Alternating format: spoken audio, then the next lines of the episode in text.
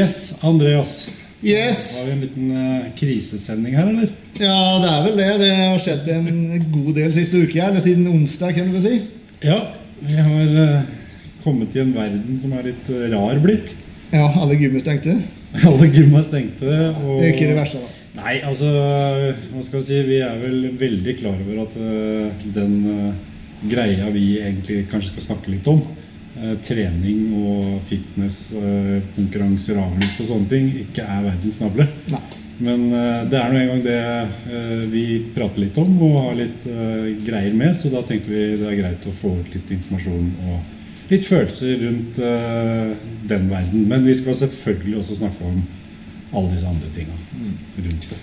Og just mye følelser kan man jo trygt si at det er med tanke på alle utøvere som nå har gått på lang diett og Ja. var i god form og skulle liksom komme seg på scenen. Mange skulle debutere, Ja. og så blir det ikke noe av. Og i tillegg så får vi ikke engang lov å trene da. Nettopp. Cold turkey på alt. Så Så litt om de følelsene rundt hvordan det er, rett og slett. Og ja, sikkert masse annet også. Så har vi jo fått litt gjester i studio. Vi har litt gjester. Vi har eh, Jesper Olsen fra styret Nei, og teamleder. jeg er ikke stilt engang, vet du. Er du ikke det? Nei. Nei, han er ikke det. Han er, ti han er tidligere president i, i forbundet. Men uh, likevel så er jo klart Jesper uh, Bare klipp bort det istedenfor. Klipp den bort. Ja, ta det en gang til, da. Ja. Vi har Jesper Olsen, teamleder Team Fit Together. Vi har Charlotte Moe, som skulle konkurrere nå. Og vi har Emilie Hasfjord, som også skulle konkurrere og måtte avlyse. Velkommen til oss, selv om det er litt kjip, kjip greie. Så er dere velkommen. Takk for det. Så jeg håper å si, hvor, hvor begynner vi hen? Jeg kan begynne med konkurransene som ble avlyst. Kanskje du har noen mer info der, Jesper? Ja, har jo for så vidt det. Um, alle veit åssen det har gått. Sandefjord Open er avlyst. Oslo Grand Prix er avlyst. Ikke utsatt, men avlyst, rett og slett, fordi vi ikke vet når det eventuelt kan bli aktuelt å ha det. Um, det har vært veldig vanskelig, og det har hele tiden vært mye prat fram og tilbake. Jeg har hatt mye kontakt med de som sitter og tar de avgjørelsene til slutt. Um, det har ikke vært lett å ta sånne avgjørelser. Det er mange ting som spiller inn her. Én ting er utøverne, som vi selvfølgelig ønsker skulle vært og konkurrert og kunne stått på en scene. Eh, Noe annet er økonomi. Forbundet i Norge lever av å arrangere stevner. Uten stevner, ingen inntekt. Ingen inntekt, ingen, for, ingen forbund. Det kan fort bli veldig kritisk. Så det satt langt inne, men samtidig så har styret vært veldig flinke til å følge de anbefalingene som er kommet. Og det ble faktisk bestemt at vi avlyste før det ble et forbud mot å ha det. Um, okay. Ja, De var såpass tidlig ute, og de sa at det her er ikke ansvarlig, for vi driver med noe hvor folk er utsatt. De har kanskje litt lavt immunforsvar, vi er tett på hverandre, det er lite klær. Det er mye greier, så styret var tidlig ute og sa at det her, det blir nok ikke noe av. Eh, og det vil jeg bare berømme dem for. Det syns jeg var veldig bra gjort, eh, for det har ikke vært lett.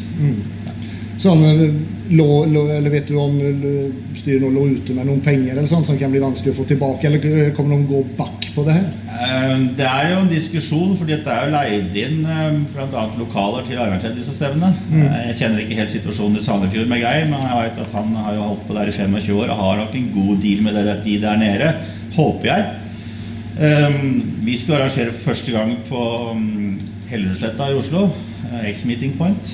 Eh, Der er det selvfølgelig en greie, fordi det er blitt bestilt, og avbestillingsfristene har jo gått ut. Men samtidig så er det kommet inn noe forbud mot å arrangere noe som helst. Så det, jeg håper det løser seg på en god måte for alle. Ja.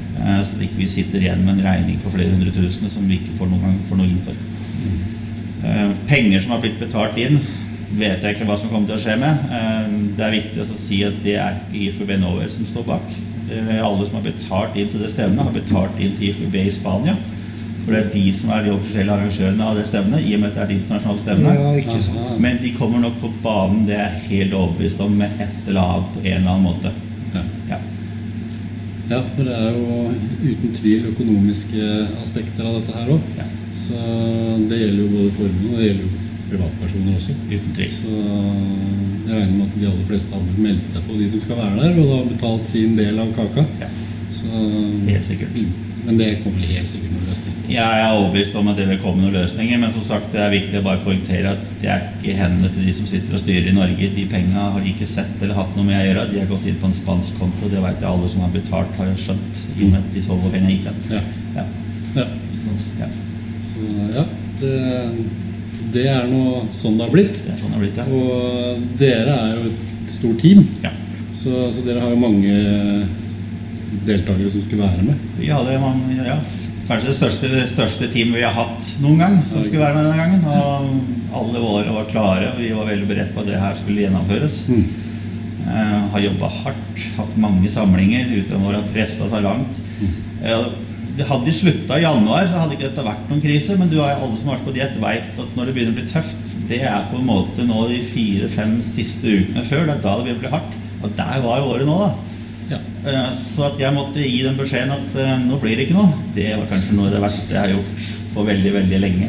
Jeg regner med det var litt snørr og tårer da. Det var både snørr og tårer og mye mer til. Og spørsmål, selvfølgelig. Mm. Mange spørsmål som ikke jeg kunne svare på. Ja. Kanskje noe av det verste jeg veit. Ikke ha et godt svar. Ja. Men jeg hadde ikke det. Det har jeg fortsatt egentlig ikke. Nei, det her er noe nytt for alle. Ja, det er det. Hvor mange var det på teamet som skulle stille? Vi hadde tolv stykker nå som var klare. Og dere er to av dem. Det er dere. Charlotte, hvordan var det å måtte avbryte hele greia? Og det var veldig, veldig rart. Man ble liksom helt tom, egentlig. Eh, Det var jo første gangen jeg skulle stille, så det var min eh, Ja. Så man har jo kjent på, på en måte på det ja, alle, Jeg tror jeg følte alle følelser du kan føle på en, en og samme tid. Jeg fikk ikke sove den kvelden. Jeg tror jeg sikkert kanskje sov der klokken fire-fem på natta. Det var, altså, det var helt absurd. Eh, og så skulle jeg liksom på jobb dagen etterpå og skulle ha en PT-time. Og, du, ja. Så det var mye følelser og tanker på en gang. Og så var jeg sånn Ok, skal jeg spise noe i kveld da? For jeg fikk jo masse meldinger og veldig veldig mye støtte. Jeg satte veldig veldig pris på det av alle venner, bekjente, alt. Og ja, da bestiller jeg pizza, og, og ja, da må du, hva skal du spise nå? Og det er på en måte, jeg bare, jeg vet ikke. Jeg vil ikke Jeg har spise nå. steppa ferdig måltider helt fram til søndag. Jeg vet ikke hva jeg skal gjøre med det. Jeg, jeg må liksom, jeg vet ikke. Jeg hadde ikke noe, ja. Ja. Så plutselig i det ene øyeblikket så var det greit, og så i det andre øyeblikket så var det tårer og Ja. Så, ja. Mm. Hvor lenge, hvor lenge har du vært på oppkjøring?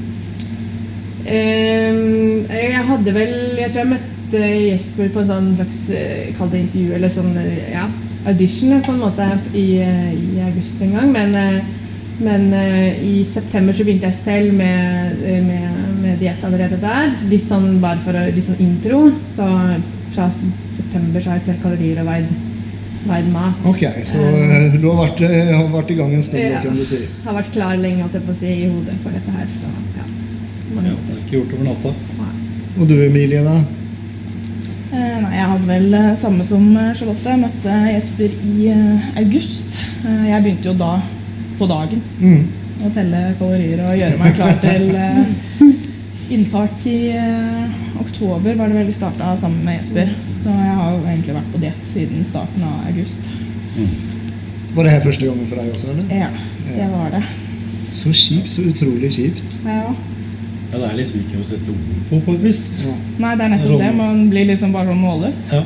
Og det, altså hele situasjonen vi er inne i nå, er jo helt weird og rar og skremmende og alt på en gang. Man vet jo ikke noe. Det spesielle oppi det hele her, det var jo at når vi gikk ut med de beskjedene her om at stevnet ble avlyst, så var det selvfølgelig veldig i fokus for alle. Altså, det var det som vi satt og tenkte på den kvelden, at dette her var tragisk, det var krise, og det var det som også dere satt og tenkte på.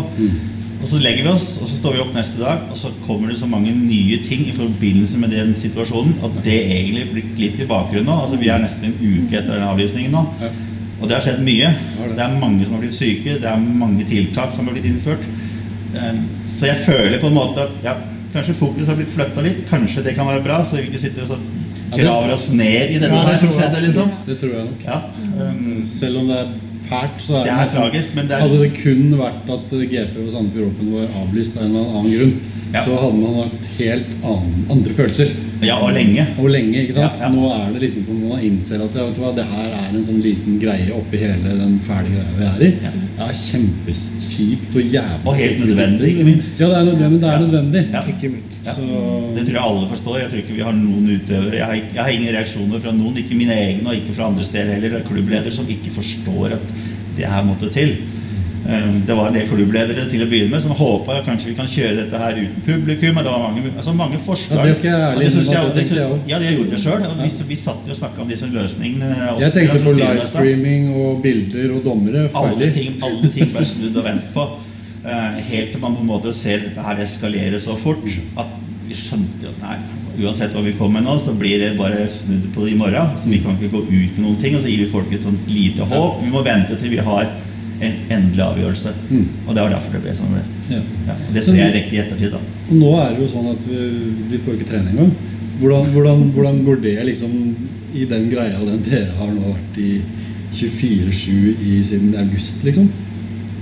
Kutte mat, kutte diett, kutte alt. Og nå får du Kan spise hva du vil, men du får ikke lov å trene. trene engang, liksom. Hvordan føles det, liksom? Det er fælt.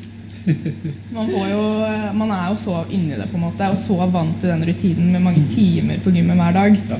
Og så er det cold turkey. Ja.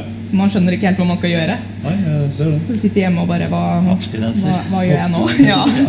Så, ja, hva gjør dere? Nei, man må jo bare prøve å gjøre det man kan. Trene cardio ute. Ja. Det er jo ikke så mange fitnessutøvere som eh, pleier å Nei. gå tur ute og sånt. Man går jo gjerne på mølla. Ja. Så man får jo eh, prøvd noe nytt. Skulle jeg si. Og så er det jo hjemmetrening med strikk og vekter og det man har, Ja. egentlig. Ja, for der dukker det opp ekstremt mye rundt omkring nå. Og, Ja. Det ligger mye på YouTube. Det er ikke noe problem å finne tips til trening.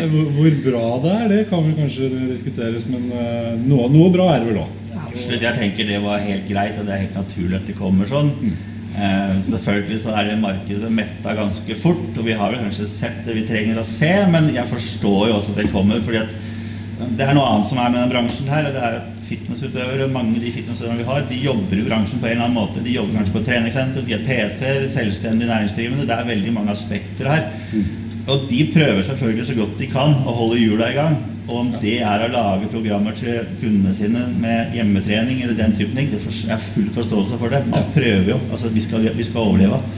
Ja, og det er jo en ting oppi dette her som, eh, som absolutt er noe å nevne også. For eh, no, si, størsteparten av de som blir berørt, eh, som, som driver med noe, hva de lever av, det er jo nettopp eh, små firmaer, små AS-er, enkeltmannsforetaker. Du har små treningssentre og gym. Disse store kjedene blir jo selvfølgelig ramma, de òg, men de har gjerne et litt mer eh, buffer å gå på. Men det har gjerne ikke små treningssentre og gym osv. PT-er er stort sett uh, veldig ofte selvstendig næringsdrivende. Uh, meg sjøl inkludert, som, uh, som driver meg sjøl og et lite firma. Det er, enormt, ikke, det er jo ikke bare det at vi ikke får trent og ikke får konkurrert, men hele livsgrunnlaget vårt og hva vi lever av, det forsvinner jo på en måte også. Ja. Så, så, så det er jo en, en stor del av dette her. Ja, ja. Jeg blir selv permittert nå på torsdag. To uker til å begynne med, og det er ingen som vet hvor lenge det kan være. Jeg tror det kommer holde på en stund. Jeg håper ikke det varer så lenge. Jeg håper det blåser over. Det er naivt. På Jeg, jeg, Kan- håper- jeg håper det beste, men frykter det verste, da. Ja. Jeg sier det på den måten. Ja. Jeg jobber selv i en bransje som er veldig berørt. Ja. Eh, Alt på en måte som var bestilt, er avbestilt. Mm. Eh, Og det er sånn det er. Vi må forholde oss til det, så får vi håpe det beste. Um, Og så håper det kommer noen tiltak som fanger opp alle de som faktisk kommer til å få problemer med dette her. Ja, det må det komme. Det er, vi håper på det. Ja. Eh, Jeg skal ikke sitte og blande politikk inn for mye. Jeg, ikke, jeg, jeg er ikke politiker, jeg skal ikke blande opp det. Men jeg ser jo at her er det mange som vil slite hvis det her blir langvarig. Og det håper jeg at vi faktisk bruker litt av de midlene vi har nå. Det er nå det gjelder. Det er det. Ja. Så what to do, liksom. Man gjør, må prøve å gjøre det beste ut av det. Men det er ikke så godt å vite hva.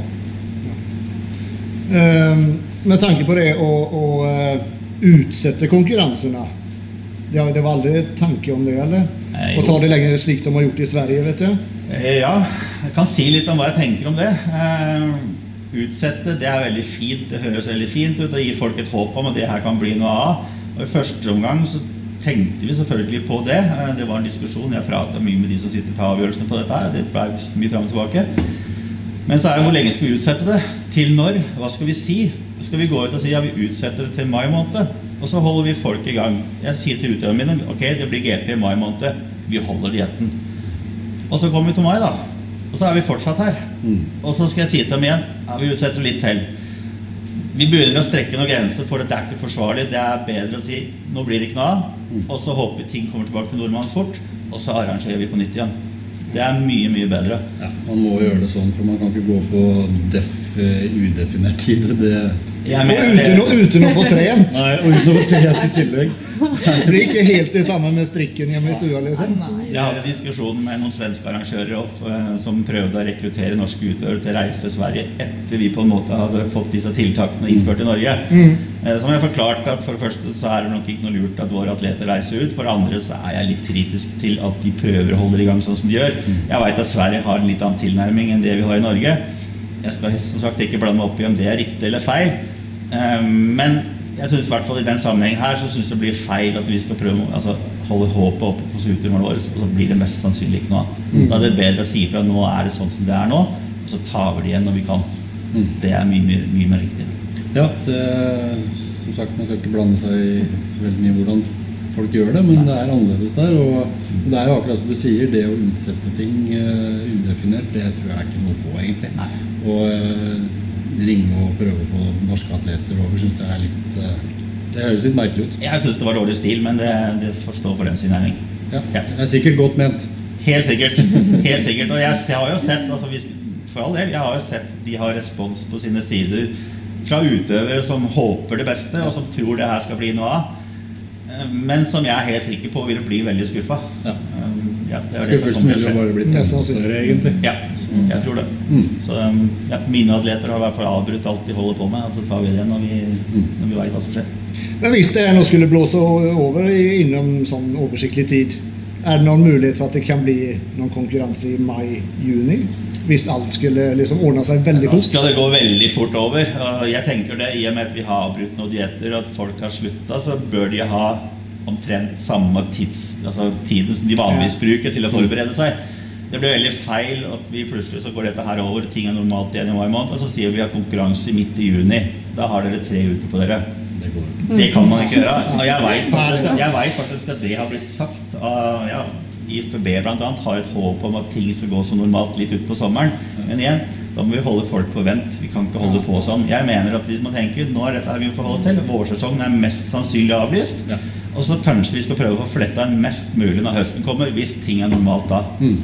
Ja. Heller kjøre på med litt mer. Hva tenker dere om det, jenter? Sånn, eh, tenker dere at eh, vet du hva, jeg tar høsten? Ja, Eller- Det var jo min umiddelbare tanke. Og, og litt sånn oppi det hele at ok, nå var vi faktisk så nærme som vi var. Vi var, ja, det var fire uker før Sandefjord Open som jeg skulle debutere i. og selv om jeg ikke var i konkurranseform, så har jeg konkurrert med meg selv i seks-syv måneder og følt at vet du hva, jeg, om, om det ikke dette hadde skjedd, så hadde jeg klart det. Ja. Og bare det er liksom, Da har jeg vunnet for meg sjøl. Da Ja. har jeg liksom gjort det, egentlig. Ja. Jeg har på en måte stilt, selv om jeg ikke har stilt. Jeg har alt utstyr. Alt er kjøpt inn av laken og pledd og ikke sant. Så jeg er dritklar. Men Til og med de tingene, altså. Yes. Du var klar. Det er ja, er ja, ja, ja, ja, Ja, ja, ja, så, på en måte, for meg så har jeg på en måte gjort det én gang. Og så kanskje man tenker ok, kunne jeg gjort noe annet til neste gang. og sånne ting. Og da, da bruker jeg på Jeg vet ikke, så jeg ser egentlig Kanskje var greit, jeg vet ikke. Altså sånn For meg da, for debutant da, Jeg har ikke vært på scenen, men jeg har på en måte stilt. Mm. Jeg har konkurrert på en måte allerede, vært i form. Det betyr at neste gang vil jeg klare det garantert hvis jeg gjør det samme som jeg har gjort, bare bedre. Sånn at om det kommer en sesong til høsten, så er jeg ganske gira på det. Og da vil jeg nok se for meg at jeg og andre debutanter da vil gjøre det enda bedre første gangen enn det vi hadde gjort nå. Ja. Og akkurat det du sier der, det, det, det kan jeg på en måte bekrefte på et vis. Ja. For jeg, jeg var litt i, Det var ikke det at noen tvinga meg til å ikke stille, men i 2014 så skulle jeg stille. Men så regna jeg på det sånn at nei, dette tror jeg ikke jeg har råd til, for da får jeg ikke ta bilder. Det var min feil. Men den, den turen og den veien som dere har vært igjennom fram til nå, den vil faktisk ha verdi for dere livet ut. Selv om dere ikke sto på scenen. Selv om dere ikke fikk den eh, pokalen eller den opplevelsen å stå på scenen. Og, og det kan dere gjøre igjen.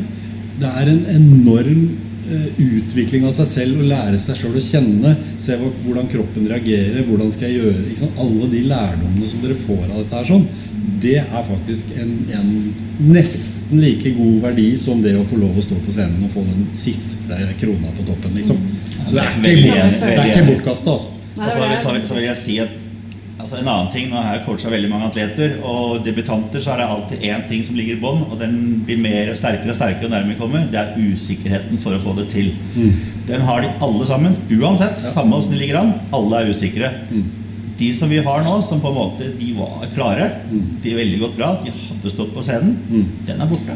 Ja. De veit de får det til. De har vært på diett, de har klart å være på diett, de har vært på alle samlingene, de kan posere. Dette her går bra, det. Ja, og det er jo som jeg har eh, sagt mange ganger før, både i denne podkasten og andre ting, altså de som står på en scene og kommer på en scene, de er faktisk vinnere alle sammen. Ja. Altså Du har gjort en helvetes jobb, og det er det utrolig mange som ikke klarer. Så at du står på den scenen, og så nærme som dere var nå, så er det akkurat det samme. De jentene her var klare altså med tre uker igjen.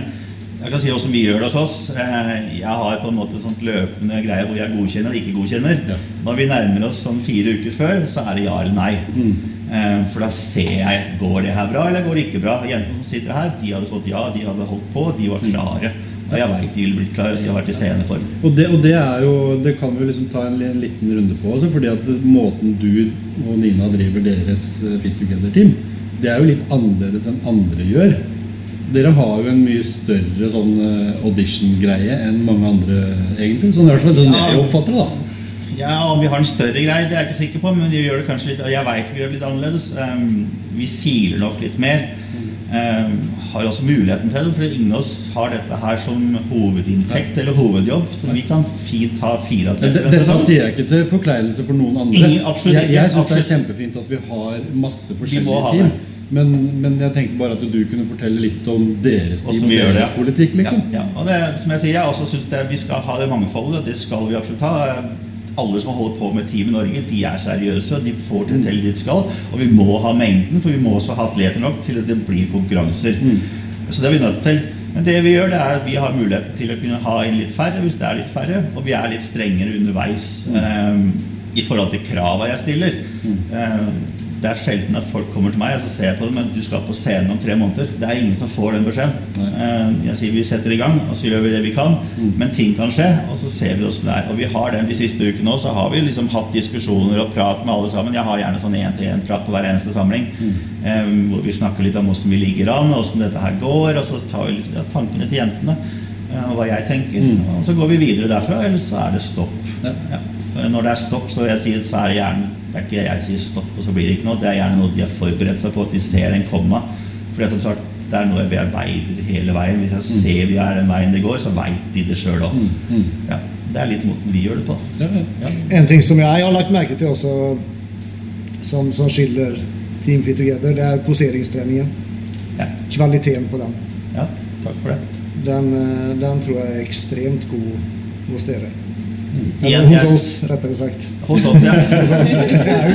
Hos oss, det er bra.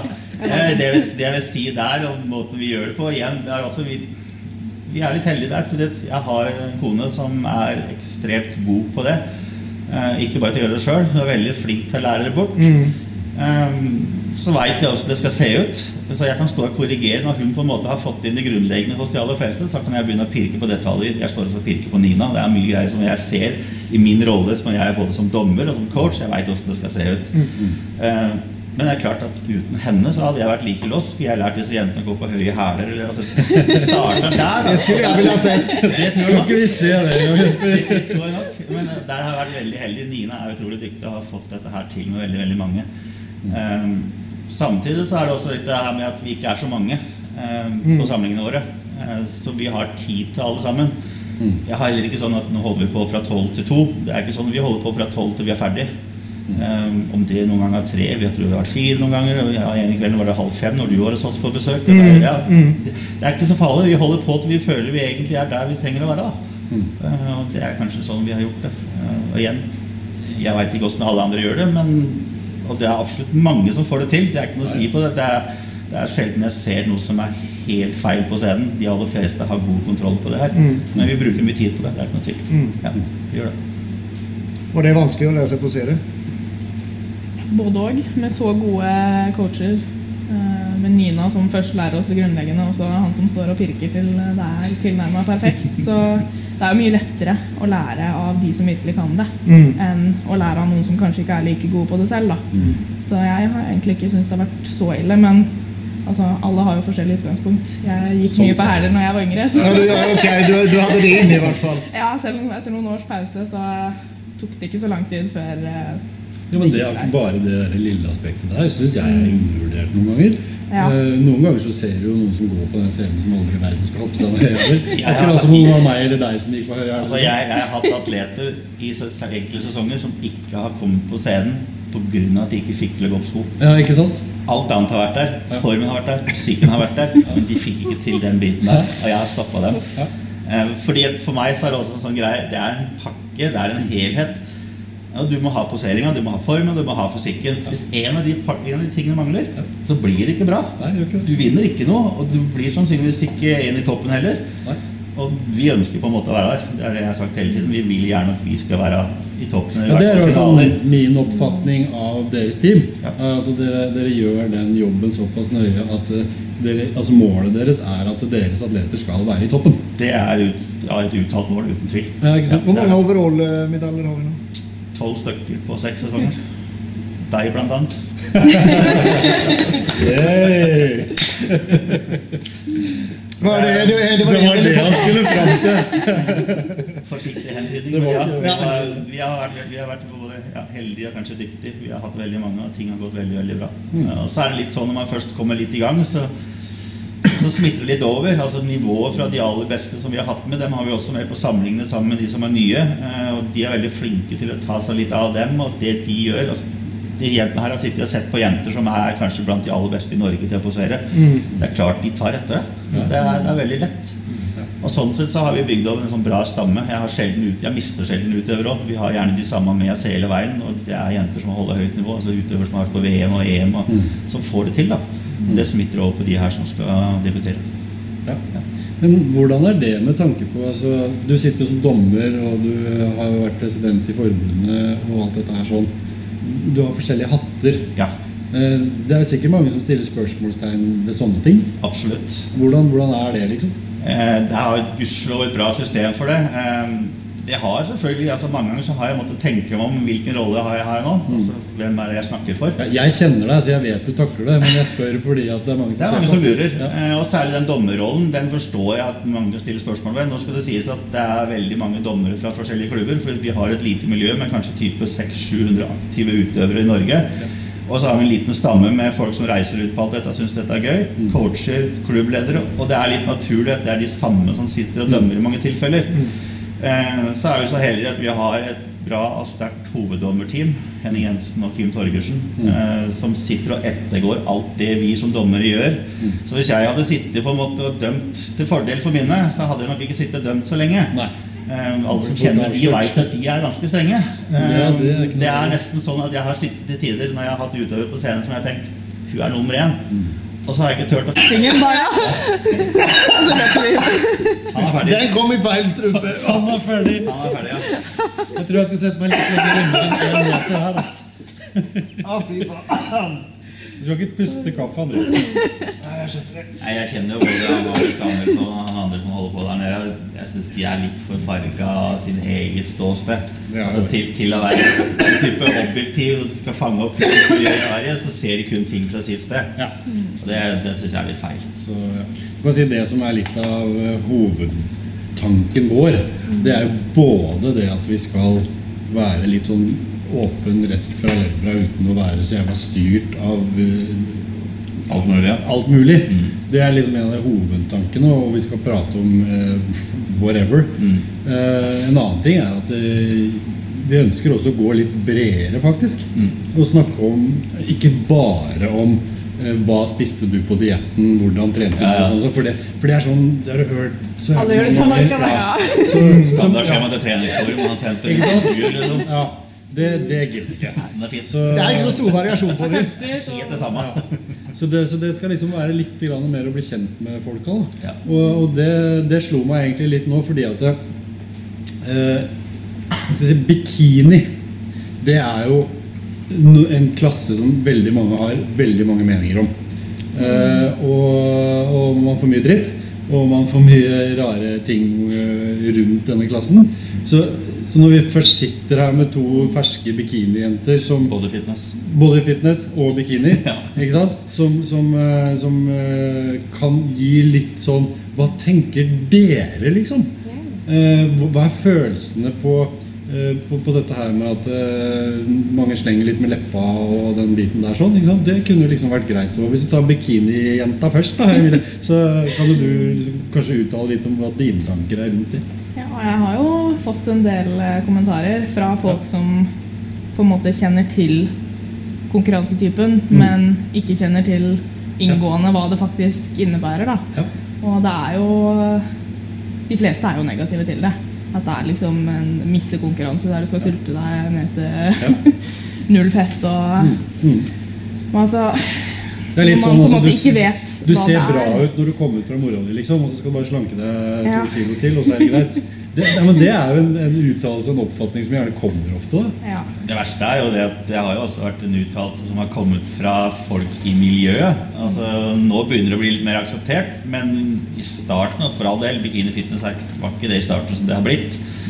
Eh, Men det var jo en sånn greie at folk som drev med litt tyngre klasser, de så litt ned på dette her. Men min klare oppfatning det er at de gjør faktisk akkurat samme jobben som dere. De har kanskje trent litt mindre, kanskje grunnlaget er litt mindre.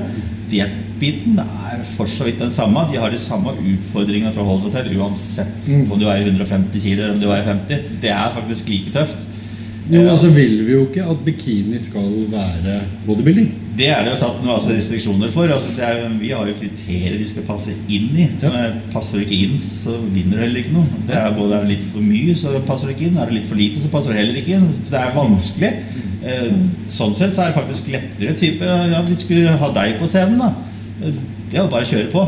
Så mye som mulig, så masse som mulig. Bli så ja, skrapa du kunne bli. Altså, det er ingen begrensninger, for det er det som er greia.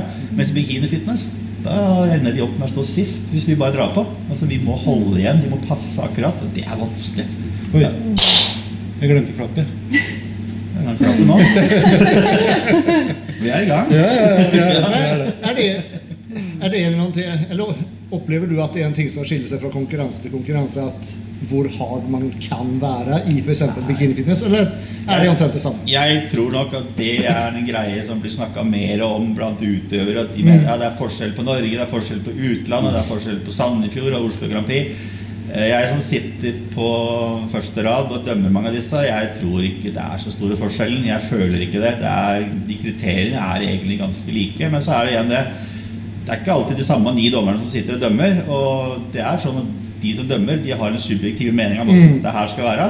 Eh, Og det kan endre seg litt fra panel til panel, selvfølgelig innenfor visse grenser. da.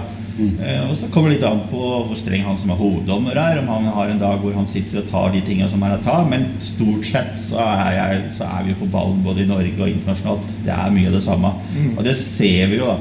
At vi har jo jenter i Norge, veldig mange faktisk, som gjør det bra i Norge, og så reiser de ut, og de gjør det bra der òg. Eh, det gjelder gutta, for den saks skyld. Um, Ja, for det er, ikke, det, er, det er jo noe folk prater veldig mye om. Ja. Eh, Altså Publikum, utøvere og den biten der sånn. Ja. Eh, For Oppfatninga er jo ofte sånn at i Norge så skal vi liksom være den der snille greia som følger alt IFBB sier. Ja. Og f.eks. da ikke sette bikini- eller bodyfit-jenter som er for store, for harde, Mm. høyt opp. Og så kommer man til, eh, til utlandet, og så er det de hardeste de største som står på toppen.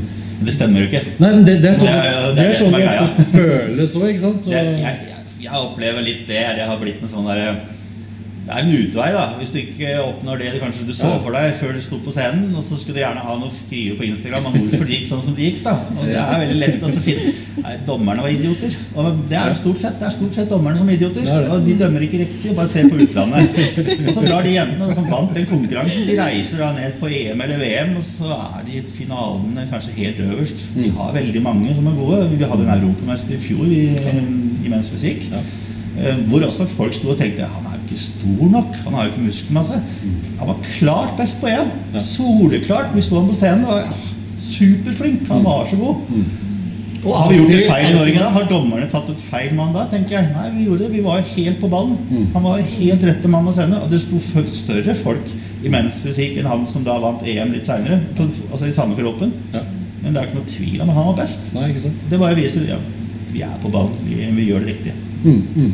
Og det er jo klart, altså, dette her med disse klassene som, eh, som bikini og mensfysikk, da, som er de nye, hvis vi skal se på oss Det er de som, er de som drar lasset om dagen. Jo, jo, men, det, men det er det jeg vil fram til. Det er det jeg vil fram til, for det blir, Veldig ofte så er det sånn de som skriker høyest og, og disser mest, det er jo gjerne de litt eldre som syns det var dritkult med disse monstrene som var før. Dessverre så er det sånn, ja. Så, og, og, og så blir det litt sånn Ja, men vi skulle hatt, bare hatt bodybuilding sånn, og vi skulle bare hatt sånn og sånn. Men det jeg liksom ikke klarer helt å fatte, er at ikke ser hva som faktisk driver sporten vår videre. Hva som gjør at vi har muligheten til å få folk til å gidde å se på det. Kjøpe produkter, sponse.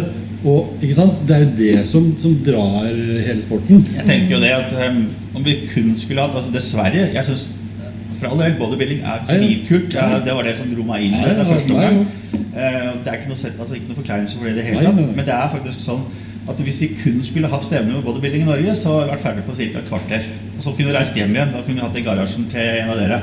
Og så hadde dette gått fint. Mm. Så jeg tenker at kanskje vi skal se sånn at de hadde ikke fått stått på de store, fine scenene hvis det ikke hadde vært for de jentene her som faktisk er med og bidrar. Så det altså, er liv i sporten. Sporten hadde vært død Absolutt. uten de jentene og de guttene. Men, altså, jeg er jo også den første til å virkelig kunne skrive under på at det er faktisk sånn det er. For jeg selger bilder. Og de som kjøper bilder, jeg skal love deg at det er ikke de svære gutta. Nei. Det er disse som sitter her. Det er jo litt endring i samfunnet òg. Ja. altså, em, det var kanskje mer akseptert før, og så var det en subkultur tidligere som kanskje ikke var like synlig. Em, men det som altså, folk vil se i dag, det er jo ikke de største gutta lenger. Igjen, jeg syns det er kjempekult. Jeg syns det er for mitt, fra mitt Altså, ståsted. vi, det er vi er på helt lik greie der. Vi syns det er dritkult. Vi. Men vi forstår at det er ikke det verden vi har. For jeg ser jo også altså, Hvis du ser på de råeste menns fysikk-gutta og, og den nye klassen, hva er det heter? Classic fysikk. Classic fysikk. Ikke sant? De beste der er jo bodybuildere. Uten tvil. Altså, de, de er jo mer enn store nok, og mer enn harde nok, og mer enn gode nok. Sammenligner du form på en mens fysikkgutt helt i verdenstoppen Mm. eh, med en typisk bodybuilder for ti år siden, Ja. så vil du ofte se at han mens fysikkgutten kanskje er enda bedre form. Ja, og, Men det er altså ikke noe kult å stå med speedo lenger og kalle seg bodybuilder. Det er ikke inn, og da blir det disse andre klassene. Og det er helt greit. Eh, Jeg syns jo heller ikke at det var superhappy, nei supermegafint med disse stomimagene og denne utviklinga som vi hadde. da. Hvor, hvor altså, det ser bare ut som en sånn klump med uformelig masse. Eh, Så, så jeg vil jo og tror jeg har de aller fleste med meg, og, og dra liksom den tilbake til den klassiske. Og der er vi jo faktisk nå. Ja, det er um, altså, Eneste forskjellen er at de har ikke på seg speedo, de har på seg litt større underbukse. Ja, så altså det er blitt tatt noen grep, altså som vi pratet om Classic Fysikklassen, hvor vi ser at de kan være litt større, de tåler litt mer form, og de står i en litt annen type shorts Ja. og viser bein, altså de har litt Mm. mer. De kommer litt tilbake, de gutta ligner kanskje mer på de gutta vi alle sammen så opp til. når Ja, Frank Zane og. Arnold Altså, det er sånn. estetikk, det er den typen ting som er i fokus. Mm. Eh, mens at kanskje altså, type Olympiagutta, det er Men, det er på, borte. jo, er- jo, men samtidig så er liksom Ok, Olympia. Det er greit, det. At det er et sirkus. At det er liksom the crazy shit, liksom. For det er liksom the top of the top of the top. Så det er sikkert ikke det som så farlig, men jeg skulle gjerne også, som sikkert mange andre, også fått det litt ned til å være litt mer estetisk der òg. Men der tror jeg det er en lengre vei å gå. Uten tvil, men samtidig så har de jo tatt grep der òg. Ja. Det var bare noen år siden hvor de begynte å ta nettopp som vi om, altså store mager, den type Mm. ting. Hvor folk røk ut på det, hvor de faktisk måtte begynne å kontrollere det. Ja. Um, så det har skjedd ting. Det Det er ikke tvil om det. altså Sporten er utvikling. Det er jo en av de tingene jeg syns er kult med sporten her. Mm. Det er at det er utvikling. Så ta et type eksempel. Vi kan se et bilde av bikinifitnessjenter fra 2013. Og så sett dem ved siden av bikinifitnessjentene som vi har helt øverst i dag. Og så igjen, ikke for å ta noe fra de i 2013, for det var sånn det var. Det var sånn det var. Det var sånn det var, det var sånn det skulle være. Men utviklinga har vært positiv. Altså, De er i bedre form, de har mer muskelmasse, måten de står på er mye mer classy. Og ikke minst poseringene de gjorde. Det er mye mer classy. Ser mye mye bedre ut. Jeg var altså første gangen jeg så bikinifitness, og, altså, og som mann, og tenke at det, vet du hva, dette er tull. Det var litt flaut å sitte nærme, for å si det sånn. Ja, det var flaut. Og i hvert fall, jeg med en 300 meter zoom. Det kan jeg tenke meg. Det var, da fikk du litt tett på, ja. Jeg fikk det tett på, gjorde det. Så det var litt rart å klage på det, jeg skal innrømme det, men eh, det, det, det var jo en sport. Så det var jo liksom ikke det som hørte hjemme. Så Men det, det er det kule, da. At sporten hele tiden Den har en progresjon i åssen ting blir. Da. Og jeg føler det, er, det går rette veien hele tiden. Ja. Altså, det, det ser bedre ut på alle måter. Det gjør det, altså. Ja. Men det var jo en annen ting som slo meg litt i pausen her, i forhold til uh, dette her med jentene som, som veldig ofte blir beskyldt for at ja, men dere vet jo ikke hva sporten er. Dere vet jo ikke hva Olympia er. Dere har jo ikke noe ikke sant? Det er litt sånn kritikk som jeg plukker opp, i hvert fall. Men når vi hadde en liten pause når jeg drev og knota med kameraer, og sånn litt her nå, så sitter disse to og prater om Faen, vi skulle dra til Venice Beach. Tenk å trene på gymmet der. Og tenk å dra på Gold's Gym. Da blir jeg sånn Hei! Det er bra! Hva, hva tenker dere om sånne ting? Dere er jo opptatt av det, dere òg? Ja, absolutt. Altså, det. det er jo selvfølgelig forskjell på folk innen våre Ja, ja. klasser òg. Ja. Det er jo ikke alle jentene som er like engasjerte. Nei, er. Men jeg for eksempel, har jo reist til Marbella kun for å dra på foredrag med Dorian Yates. Så bra. Det tror jeg kanskje ikke er så mange bikinijenter som har gjort sånn. Nei, det er jo ikke det. Men uh, Ja, men altså, fint. Kult. det er jo legender. Ja, ja, ja. Jo, Og det er jo en type, altså Selv om det ikke er kroppsbygging i den forstand å stille i bikini, så bygger man jo en Det er jo fysikk. Og ja det som er jo sa, det er, du gjør den samme jobben. Gjør en den samme jobben. vi former kroppen, og det er det som Det er er bare en litt annen på en måte form man skal inn i, da. Ja. Det er Det er det, det. som er forskjellen. Det er helt sant. Det er det. Og det er alltid det jeg har sett opp til fra dag én. For når jeg begynte å løfte litt ordentlige vekter i 2013, var det vel, så har alltid jeg eh, vært sammen med samme, samme kjæreste siden da. Og vi har alltid liksom fulgt det samme programmet, og jeg har alltid liksom, trent som han, og chesty og vært full pakke. Og hver gang vi drar på ferie, så er det alltid innom en sånn hardcore gym, og vi har vært i LA, vi har vært på liksom, ikke sant? Vi har vært på Gold's Gym og møtt Arnold, og det er, liksom, det er liksom alltid vært det. Så jeg har alltid liksom jeg, har alltid et hjerte i liksom den kjernen. Da. Jeg tenker at dette er sånne jenter vi kommer til å se flere ganger. Ja. Mm. Eh, For selvfølgelig så tiltrekker seg miljøet her også altså, type um, folk som kommer én gang. Mm. De har andre motiver enn f.eks. de som du forteller om her. Mm. Og det skal vi også tillate. Det er helt greit. Vi skal ikke være sånn at vi må ha, vi må ha felles motiver, vi må ha det samme utgangspunktet. Det er helt greit. Men samtidig, de er nok kun på scenen den ene gangen, så har de fått det ut av det de, de skulle ha, og så er de ferdig. Mm. Mens de her, de er de skal stå på scenen, men de ønsker å bli best. Mm. Om det er i år, om det er neste år, eller om det er tre år, Mm. det har ikke så mye å si, for de har forstått at det er noe som tar litt tid. Ja, jeg sier absolutt ikke at det ikke er rom for begge kategorier. Men jeg syns det, når jeg plukka opp det, så syns Jeg jeg det blir litt sånn ekstra kul greie. er. At, at jentene sitter og prater om uh, Fy faen, det har vært kult å være på Venice og tatt preppen der og ikke sant. Det er jo, det er jo, det er jo ekte, eller hva sier Andreas? Helt enig. Ja, De kommer fra samme sted som oss. Altså Det Ja. er samme ståsted, Ja. akkurat det samme. De driver med litt andre typer klasser, men det er, vi, vi har masse felles her. Mm. Vi må jo finne de, plass, eller de klassene vi passer inn i òg. Det er jo fordelen med at det er så mange å velge mellom. At Mm. da, ok, ja, er, så jeg. Jeg har alltid drømt om women's fysikk, men eh, Det er jo for liten man må jo ikke sant? kanskje ja, ja. Ja. Mm. Men at det, men sant, da, ja, men da, ja, og det er viktig. At man ser sine begrensninger i forhold til det, og at man da får tilpass i team og, og erfarne folk som faktisk kan Mm. guide deg litt inn hvor du skal hen. Og det, det er jo viktig. Og der er jo Mm. coachen en viktig jobb. Det positive her, altså sett utenfra, det er jo det at um, når vi begynte med dette her, eh, vi som sitter og Mm. tenker på oss tre, Mm. Eh, så var det gjerne sånn at hvis du helt tatt noen gang skulle komme deg på en scene, så kunne du trene 10-15 år først. Mm. Altså Kanskje du var i nærheten av å tilfredsstille noen av de klassene vi hadde da. Ja. Altså, og det var ikke sikkert vi noen gang fikk det til, Mm. Um, fordi kravet var så stort. Mm. Så har det kommet disse klassene istedenfor, som da åpner opp for at man faktisk kan starte et sted, og så kan du faktisk jobbe deg videre. Altså Mm. Du kan starte bikini fitness, bli body fitness, kanskje women's fysikk til slutt, hvis det er, hvis det er ønske om det. Mm. Og det syns jeg er fint. For det, det er klart det var litt frustrerende å fly rundt på gym i ti år, og så sto det Nei, litt til. Ja. Kanskje fem år. Mm. Og det var jo sånn. Ja, det var det. jo det. Vei, veien til bygging fra Athletic Fitness den var ganske lang. Den er lang, ja. Ja. Det er ikke noe tvil. Det er, Ja, den har jo du kjørt, så du Den har jeg kjørt. Ja. Mm. Og, Men en ting jeg har tenkt på eh, nå eh, Om man ser då hvor lite byggere det er på scenen nå på konkurranser. I år var det på NM så var det tre stykker eller noe sånt. To? Ja, Tre? Ja, husker ikke. Totalt? Ja, to-tre. Men om man ser då i Sverige, det var ganske bra i år. Eller i fjor da. Ja. Så der har det på en måte tatt seg opp igjen. Men jeg er ikke sikker på at det er altså, Jeg tror ikke det er noen grunn til det. Jeg tror mer at det er litt tilfeldig. Eh, så igjen, altså Skal du stille i bygginga, da, så tar det litt tid. Og jeg tror også fort vi kan risikere plutselig et år så kommer det veldig mange. Uh, vi har jo sett bl.a. i klassen din, Classic Bodybuilding, Mm. at vi har hatt i det siste året kanskje 10-12-15 utøvere på scenen i Norge Mm. som har hatt bra nivå. Eh, det, altså De samme gutta de vil jo da komme igjen kanskje om tre-fire år Mm. i byggeklassene. Eh, Så jeg tror vi vil oppleve det samme her, men det tar litt tid. Det Ja. er det som er. Det er ikke sånn vi sitter på en haug med kroppsbyggere som er ferdig klare hjemme, og som egentlig bare skulle gått på en diett, og så er de på scenen. Det er ikke sånn lenger. Nei, det er. Det tar litt tid. Ja. Det, ja. Det virker jo som de fleste som er altså, som begynner og skal stille opp for første gang, det er liksom menns fysikk. Det er veldig få som velger f.eks. classic eh, bodybuilding eller noe sånt. ja, samtidig så er det faktisk sånn at eh, mange av disse menns fysikkgutta kunne fint gjort det. Eh, de har både fysikken og formen, og alt er på plass.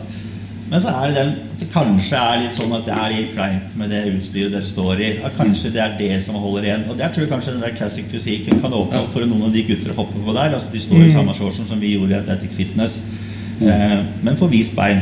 Og de får gjort de samme tingene, så jeg tror at det kan bli det neste store. da. Mm. Mm. Absolutt tro på det. Ja. Ja. Ja, for at mens fysikkgutta trener bein også, det gjør de. Det er ikke noe tvil om det. Det er, det er en myte, det greiene der. Det er, det, det er, det er ikke noe, de har ikke valgt å ha på shortsen. Det er regelverket som sier at de må ha Det. Eh, Sånn er det bare. Det blir veldig lett å disse det for det, fordi at man viser Ja, beina. det er en enkel måte å se se ned på noe som kanskje er litt bedre enn ellers. da. Ja, det er noe med det. Ja. Åh. Men på tale om dømming der i bikinifitness, er, skjer det ofte at du dømmer ned noen fordi at de er for harde? Ikke ofte. Ikke ofte. Eh, men ja, det skjer. Vi har hatt eh, eksempler i Norge siste året på alle stevnene hvor vi har gjort det. Eh, både størrelse og form. Eh, altså, de må passe inn. Eh, de får beskjed om det. De aller fleste når det har skjedd, så er det gjerne sånn at det er en greie som blir tatt av hoveddommer. At han egentlig går rundt og sier fra til alle dommerne nå må være obs på den utøveren der. Mm. Hvor hoveddommeren egentlig har tatt den avgjørelsen, og så får vi Vi tar selvfølgelig den endelige avgjørelsen, men det er hoveddommer som på en måte sier at dette er, er kanskje utenfor regelverket. Hvor mange plasseringer kan det være snakk om da? Sist, f.eks. Du kan risikere ende opp sist. I utgangspunktet Hvis du ikke passer i klassen, så er det det de sier. Da må vi sette dem sist. Det er særlig størrelse, da. Mm. Altså Hvis vi har en typisk bodyfitness-jente som står i bikini, eh, så skal hun sist. Og det er for at hun skal få et tydelig signal om at du er i feil klasse. Hvis vi setter henne på tredjeplass, da, så hadde hun stått og tenkt de to andre er bare litt bedre enn meg. det. Mm. Det er ikke noe jeg gjør feil. Mm. Jeg er helt riktig, men de to andre var litt bedre. Så hun kommer igjen i samme klassen og håper det beste neste gang. Mm. Blir hun sist, så vil hun gå og spørre hva skjedde. Og så får hun svaret du er litt for stor. Body fitness. Ah, så går hun dit og kanskje gjør det bra. Noen som bare er for hard, da? Ja, vi har hatt- blodåre på magen? Vi har hatt, vi har hatt, ja, Det er ikke blodåre på magen, det kan skje. Det er oppkarming, masse ting. Det er ikke sånne små ting. Eh, er du for hard, så har du tydelige separasjoner i muskel, muskelmassen. Du har Mm. striper i skuldrene, kanskje striper i rumpa. altså Du er tydelig for hard i bikinifitness. Det er ikke sånn at vi er mm, kanskje hun er for hard. Vi sitter ikke og leiter etter feil. Nei, ok, utan det er, Det er veldig tydelig. Det er veldig tydelig. Og det er også en sånn greie, altså Folk tror også det. Vi sitter og trekker ned på ja, små detaljer. Det er ikke det. Det er helheten. Det er Mm. he alltid helheten vi ser på. Det er ikke én ting. Det finnes noen ting vi trekker ned på. altså Gutta kan slite, noen har gynekomasti, altså flere sånne småting som er tydelige feil, og det skal vi sette sist. Det gjør vi. Men det er litt andre saker. Altså det med form, det er litt sånn Det kan justeres. Jeg har også sett utøvere som har kommet på scenen og vært for harde. Der og da så kommer de 14 dager etterpå, og så har de gjort noe med det. Og så passer de helt perfekt. Altså det kan Men det er ikke snakk om å sette noen på sisteplass, for at om, om de er litt for harde, kanskje? Jo da, det, det, Det- gjør det kan være det gjør det, for okay. å sende, det er dette for å sende det tydelige Ja, ja. signalet at dette er helt gærent. Mm. Og De aller fleste forstår det. Og det er mye mye lettere å forklare en utøver det at det var det som skjedde. når du ikke, altså Hvis du bare trekker to plasseringer, så blir det litt feil. Ja, ja. Om vi ikke setter det sist, så er det ut av finaler stort sett. da Eh, Så du på en måte ikke ender opp der. da Mm. ja. Så det er veldig tydelig. og Jeg anbefaler alle som opplever et eller annet som de syns som rart, altså ta kontakt med coachen sin, og så kan coachen eventuelt kontakte hoveddommer, og så får de et svar på hva som faktisk skjedde, istedenfor å sitte og spekulere i ting. For det er ofte det som skjer. Og du har tusen forklaringer, Ja. men kanskje ikke den riktige. Hadde du hatt den riktige, så kunne du kanskje gjort noe med det. Kanskje det var lett å fikse det til og med. Så det anbefaler jeg alle å gjøre. Mm. Ja. Ja. Har vi noen mer eh, tanker eh, kanskje rundt dagens situasjon? Det er vel mye tanker om det. Det mye tanker, ja. Ja. Noen som er Så vi tror kanskje mange mange også liksom er litt sånn der Ok, hva gjør vi med mat og sånn? Det er jo et veldig vanskelig Mm. tema. Og jeg vet ikke selv. jeg Har du som har Jesper? Altså, vi eh, Ikke sant? Jeg, altså, men ja, det er i hvert fall eh, Jeg tror kanskje det er mange som får spørsmål om. Mm. hva gjør du nå med mat? Eh, Mm. og Betyr det at vi kan gå ut og spise? Betyr det at vi kan Ja, sikkert. Jeg vet ikke. Um, Hvordan har du gjort det, da? jeg har bare Jeg har lagt inn, inn kalorier på lauset, men, men jeg spiser men uten å nødvendigvis veie maten på forhånd. Og så spiser jeg egentlig de mengdene jeg vil til jeg blir mett. Mm. Og det har egentlig resultert i fordi at når du Det har jo ikke jeg kjent på før i den grad, men liksom fysiologiske greier at når du har vært på diett så lenge, så når du spiser et stort måltid, så jeg spiser liksom en svær tacolefse med masse digg inni som, ikke, som jeg ikke har spist på evigheter, og så burde jeg egentlig bli mett, men så blir du ikke mett, du blir mer sulten, og så spiser du mer fordi du tror du er mer sulten, så var det egentlig ikke Nei, nei. magen som skrek, så bare er Å, fytti helvete! Så jævlig! Det er en hormonell greie. det. Ja, ja, ja. Mett, mett- forsvinner. Mm. Men eh, jeg tror det kanskje stabiliserer seg litt etter hvert. Men jeg tror sikkert mange kjenner seg igjen i det akkurat nå dette øyeblikk, når det har gått det sånn tre-fire dager siden konkurransen ble avlyst. Og så hva skjer nå, hva gjør vi nå? Ok, alle bare spiser på, kjører på, koser seg. Og så blir man litt sånn uggen og uvel av det. Men eh, vi har i hvert fall fått varmen tilbake, som vi ble enige om her. Ja, vært Fryser ikke mer. Jeg har på en måte alltid sagt det f.eks. etter konkurranser, når vi kommer i samme situasjon som de egentlig er i nå. altså Du er ferdig med konkurransene, og så står du der. Hva nå? Jeg syns det er helt i orden at man har kanskje fire-fem dager, kanskje en uke, hvor man bare gir helt faen. Mm. Altså spis til du er mett, og du kan godt spise en gang eller to så du blir dårlig av det. Det er helt fint å erfare det, faktisk. Ja, det er- Det er greit å ta det med seg. Det er det du gjør kanskje ikke det med neste sesong nå? Helt riktig, du lærer litt av det. Og så kommer du også tilbake til altså Du får stilt noen lyster, du har ting du krevingsetter, ting du må få ut av systemet. Når det kommer ut av systemet, så er det mye lettere å gå tilbake på en mer kontrollert måte altså tilnærme seg på. Det er greit å få det litt ut. Ja, for da skal man jo egentlig bare tilbake til den eh, basic uh, Vi trenings-fitness-dietten. liker å spise sunt og, og, og trene, så det er jo ikke det det står på, på en måte. Det, bare at det er jo sånn det er. Det går jo på å spise ren, ålreit mat eh, hele Så er det støkk innendørs, da. Vi er støkk inne med TV og Netflix. Og det hjelper ikke det hjelper ikke. på lystene. Nei. Verken lyster eller eh, vekta, for å si det sånn. Det er nok mange som kommer til å Men det kan jeg si noe av egen erfaring nå, siden jeg sist var på scenen da, rett før jul. Mm. Nå, nå, nå er liksom Eller jeg gjør jo som Jesper sier. ikke sant? Jeg tar en fem dager en uke. ikke sant? Tar helt av. Og så, men, men, men, men sen så har jeg liksom gradvis da eh, lagt på meg ganske så sakte. Jeg har gått opp totalt seks kilo bare. Ser ut som er nesten i sceneform, da. Ja, ja, ja det er ikke det, men jeg er i god form fortsatt. Ja. Men, men jeg, liksom jeg ser ingen grunn til å legge på meg masse ekstra kilo. Men, men, men i hvert fall det, det for liksom kroppen blir tilbake til det normale. Da. Det tar tid, altså. Det er egentlig først nå siste måneden som jeg har sluttet å tenke på mat. Liksom sånn, Ja. Du er jævlig fokusert på mat. liksom, Bare gleder deg til mat. Men det er derfor jeg sier at det er greit å få det ut av systemet. Ja. Fordi Hvis du bare starter rett på et kontrollert opplegg Ja, det dag én etterpå, så sitter du og har alle de der følelsene. Ja. Du har altså metthetsfølelsen, det der ting du har hatt lyst på hele tiden. Gjør det, da. Få det ut av systemet. Mm. Og så kan vi begynne å kontrollere ting. Mm. Det er måten å gjøre det på. Det er jeg helt overbevist om. For det blir litt sjokk nå, fordi ja, Nei, eh, ja, vi, vi skulle jo Kanskje sesongen skulle være helt ut i mai, ikke sant? hvis dette her alt gikk som det skulle og Mm. alle konkurransene gikk som planlagt. Så jeg liksom har tenkt sånn, ja, vi finner Tenk på mange forskjellige strategier jeg skulle gjøre når det skulle gå over i offseason og, og gjøre klart til neste sesong og, og alt dette her, men det tar vi litt utover i Det var ikke sånn tema nå. Ville ikke Jeg syns nesten det var litt sånn der jeg følte på Jeg kan ikke spørre om jeg, hva jeg skal spise etter. Det er ikke fokuset nå, men bare fokusere på det jeg skal gjøre de neste fire ukene, liksom. Mm. Så plutselig fikk vi den, og så bare Ja. Da satt vi her med Litt- litt brått på, ja. ja, ja det gjorde det. Så tror jeg kanskje de fleste kanskje hadde en strategi at ja, jeg skal reverse diet og bli dritflink når jeg er Men så plutselig kom den litt sånn i trynet, da, og med litt sånn depressiv melding i tillegg. Så ja, Ja. det var litt spesielt. Så bra. Da har vi gått gjennom det meste, tror jeg. Nå har vi holdt på en times tid snart. Ja, vi har vel det. Så hvis ikke det er noen som har sånn masse som har lyst til å si på hjertet, så eneste jeg kunne tenkt meg, er å bare skyte inn. Det her jeg ser at det er mange oppfordringer fra veldig mange steder som jeg støtter. Det er f.eks. er du medlem på et lite treningssenter, du har et løpende abonnement. Kanskje ikke avslutte. Ja. La det gå. fordi kanskje du da har et treningssenter å gå til når dette her er tilbake igjen. Ja, Eh. nettopp. For er mange som kommer ta stygge smeller. Og Det er stygge smeller på gang, og det kan få store følger. Og jeg forstår at alle ikke har den muligheten, men hvis man nå har det, at de pengene allikevel er ting du har, det er penger du har avsett, Mm. gjør det.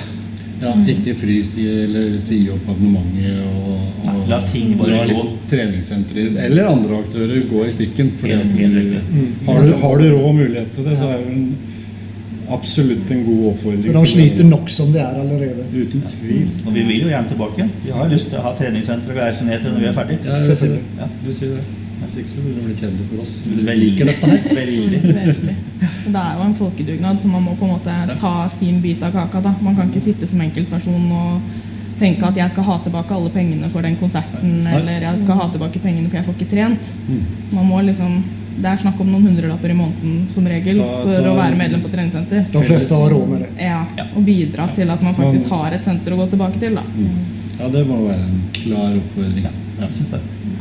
Utover det så får vi bare ta situasjonen som den er, og holde på det beste. Og håper vi får se dere på, på scenen til Ja, så høsten. da. absolutt. Ja, så håper det blir konkurranse, da. Ja. så absolutt. Ja, ja, vi får håpe at denne galskapen er over. da. Det er jo som vi om at det hadde vært eh, så deilig å vært litt på prep på sommeren nå. Få testa det litt. Ja? Mm. Det er mye enklere på sommeren. Det Ja, er så det hadde vært så deilig å bare ha på seg shorts og gått en tur ute, liksom. Så vi har jo på en måte Mm. Gjort en konkurranse nå, altså, men uten å på en måte tynne siste stikken Mm. Og da blir det liksom ja. Jeg tror kanskje det er greit å si at det her kommer til å ordne seg. Ja. Det gjør det. Eh, Jeg veit ikke når, det veit ingen av oss, men det kommer til å ordne Ja, ja, seg. Før eller siden. Vi, hvis har overlevd spanske syken og eh, digerdøden og alt som faen har vært, så Vi kommer, skal vi vi greie til tilbake, og vi kommer tilbake med konkurranser, og dere kommer på scenen, og dere får, det kommer til å skje. Og vi skal sitte her og skravle lenge. Ja, Det er i hvert fall planen. det er planen. ja. Det er planen. Ja, Ja, nå sier vi tusen takk for i dag. ja tusen Takk takk for at dere vi kom, kom. da. Takk for at du fikk komme. Kjempehyggelig. Så bra. Over og ut. Over og ut. Det var bra. Nei da. Det var ikke greit, eller? Slår sammen. Men da har vi lyst på kameraet. Dere